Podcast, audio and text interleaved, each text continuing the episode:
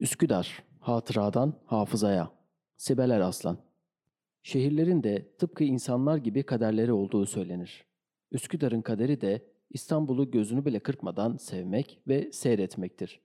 Allah kıyamete kadar İstanbul'umuzun minarelerinden ezanlarımızı eksik eylemesin.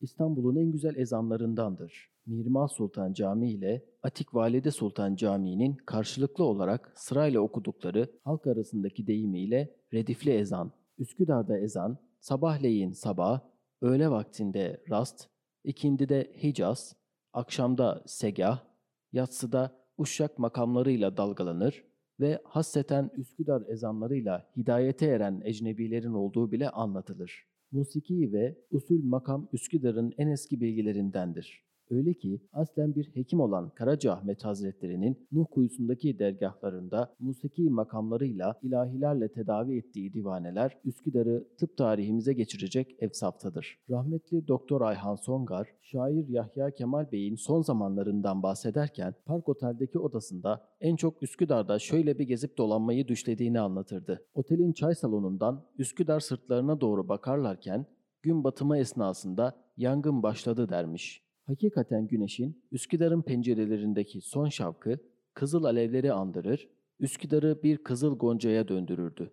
Güneşin battığı andaysa Üsküdar'ın sihri birdenbire kaçar, hayatın nabzı öne geçer, iş telaşı, eve dönüş, vapur çıkışları ve otobüsler derken hava kararır, bu sefer de lambalarını yakan evlerin birer birer mahyayı andıran donanmasıyla bir hayal perdesi başlardı. Yahya Kemal Bey Üsküdar'dan mütadeyyin ve mutekit olarak bahsedermiş. Ahmet Hamdi Tanpınar ise hanım sultanların saltanatı diye söz edermiş Üsküdar'dan. Hakikaten de Kız Kulesi bir yanda, Mirima Sultan Camii ve Şifahanesi diğer yanda, Atik Validesi, Cedid Validesi, Gülnüş Valide Sultan Vakfiyesi ile bir anneler diyarıdır Üsküdar. Biz bunları Songar Hoca'dan dinlerken Üsküdar Kız Lisesi öğrencileri olarak gurur duyardık. Aslında ne kendisi ne de sakinleri mağrur olurdu Üsküdar'ın. Mütevazı, mütebessim, kalender insanlardı. Nasıl bu kadar konuşuyorsun diyenler için söyleyeyim. Bendeniz Üsküdarlılıkta dördüncü kuşak oluyorum. Komşuluk hakkına çok riayet edilirdi mesela. İtalyan, Rus, Ermeni, Musevi, Rum komşularımız da çoktu bizler çocukken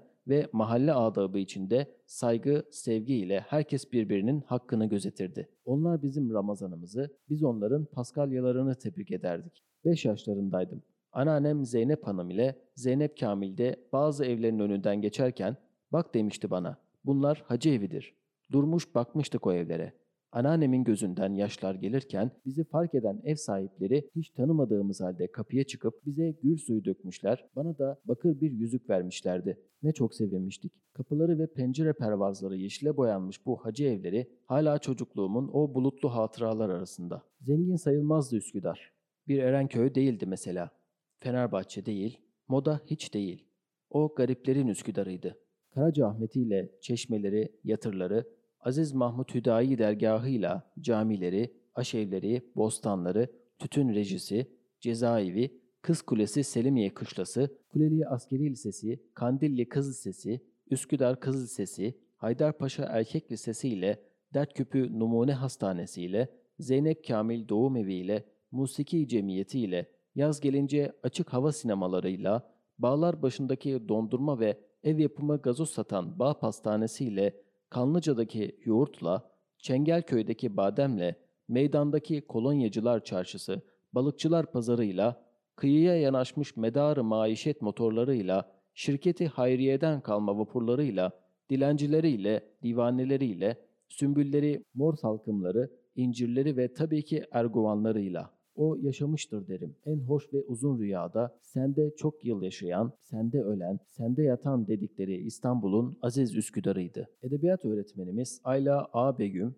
Üsküdar için fethi gören Üsküdar derdi. Anlattığına göre 1071'deki Malazgirt zaferinden kısa bir zaman sonra 1480-81 sularında Kutalmışoğlu Süleyman Şah ve ordusu Üsküdar kıyılarına kadar gelmişler. Ayasofya'nın kubbelerine bakan ilk Türk ordusu bu orduymuş derdi Ayla Hanım. Onun nazarında İstanbul, Anadolu yaylasının en uç serhaddiydi ve Üsküdar, Malazgirt'e bağlıydı. 1480'lerden bu yana Türk ve Müslüman bir beldeydi Üsküdar. Hocamız fetih rüyalarının da burada görüldüğünü söylerdi. Bir kenti ilkin kütüphaneleriyle tanımak isterim ben. Evvela Hacı Selim Ağa yazma eserler kütüphanesini zikretmem gerekir. Lakin o kütüphaneye ancak üniversite sonrasında girebildiğim için çocukluğumun bulutlu hatıralarında bahçesindeki ortancılar arasında sevdiğimiz, koşturduğumuz kedilerden ibaret ancak. Üsküdar ve kütüphane dendiğinde ille de Şemsi Paşa Kütüphanesi gelir ve benim çocukluk gençlik günlerimin belleğinde önemli bir yer tutar. Dile kolay.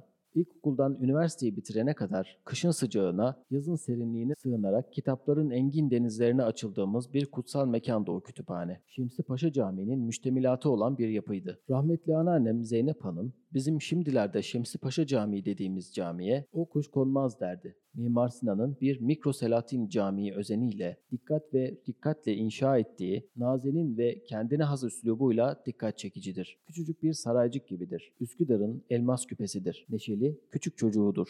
Çocukluğumuzda her bir yandan esen rüzgara açık konumuyla ne zaman dikkat kesilip izlesek hakikaten tek kuş konmazdı bu camiye. Ama kedisi çok olurdu. Caminin müştemilatından olan kütüphanede kitap okuyup ödev yapardık. O vakitler ihtişamlı, ihtişamlı olduğu kadar da hırpani görünüşüyle tütün rejisi ve hemen yanından başlayan tekne yapım tezgahları balıkçı barınakları hemen denizin çırpıntısından Şemsi Paşa Camii vardı ve caminin ön yüzüne deniz çarpardı. Anneannemden işittiğime göre sandallar camiye yanaşırmış eskiden. Caminin denize açılan kapısından içeri girilirmiş. 80'lerin ortasına kadar caminin deniz tarafından geçmek beceri isterdi. Zira daracık ve yosun tutmuş yaklaşık 50 santim civarındaki taş çakıllarından geçerken deniz ayakkabılarımıza kadar çıkardı. Biraz dalga olduğundan geçemezdiniz zaten. Maceralı olduğu için biz deniz tarafından geçmeyi çok severdik. Mayıs ayında Salacak kıyılarında mevsimin ilk karpuzu denize atılır, bir cümbüş bir nümayişle karpuzun peşine denize dalan delikanlılar alkış tezahürat birbirleriyle yarışırdı. Karpuz kabuğunun denize düştüğünü görürdük çocukluğumuzun Üsküdar'ında. Üsküdar Ramazanlarında kadınların bir ziyaret güzergahı olurdu. Çamlıca'daki Selami Baba türbesini ziyaretle başlanır, oruç ağız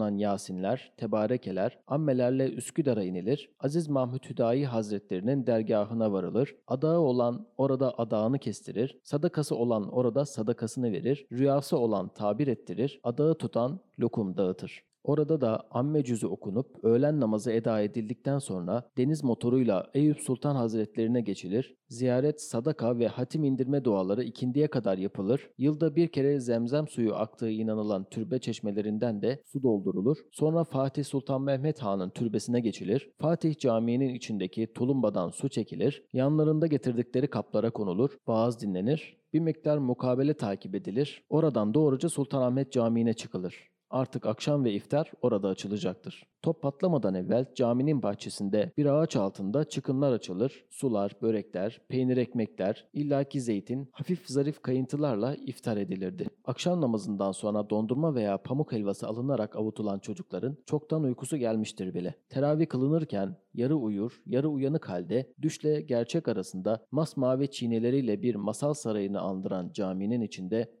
bir cennet uykusuna yatılır. Eski Üsküdarlıların evlerinin duvarlarında muhakkak hat levhaları olurdu. Hilye-i Şerifler, Bismillahlar, Kelime-i Tevhidler, Muavizeteyn, Karınca Duası, Ashab-ı Bedir, Pençe-i Aba gibi kaligrafik desen ve yazıların önemi sadece sanatsal zevk veya Osmanlı geleneği olmaktan kaynaklanmaz. Yangınlarıyla meşhur olan İstanbul'un Üsküdarlı eski hanımları duvarlara asılı olan bu hat levhalarının evlerini yangınlardan koruyacaklarına da itimat ederlerdi. Yani hat sevgisi hem sanat hem de hayat memat işiydi.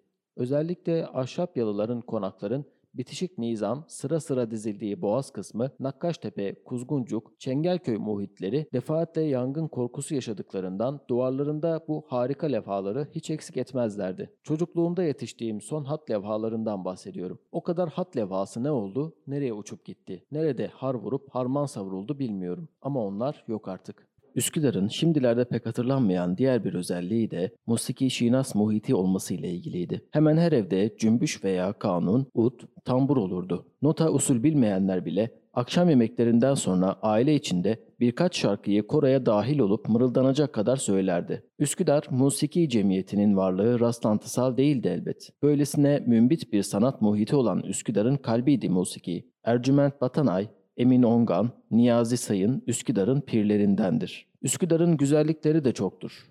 Rahmetli annem Refika Hanım'la Üsküdar Şehir Devati Camii'nin önünden yürürken bir gün uzun boylu, ak saçlı, ak sakallı, nurani yüzlü bir dedeyle karşılaşmıştık. Etrafındaki çocuklara cebinden çıkarttığı şekerleri dağıtıyordu. Bir ara annem kulağıma eğilip keşke bize de verse der demez bize doğru dönüp ellerini uzatarak şeker ikram etmez mi? Annemle aynı anda şaşkınlıkla aa deyince dede bize dönüp güldü. Başını salladı, dua etti. Sorduk soruşturduk. Kimdi bu güler yüzlü dede? Gönenli Mehmet Efendi dediler. Şehirlerin manevi sahipleri vardır. Üsküdar'ın manevi sahiplerine de bin selam olsun.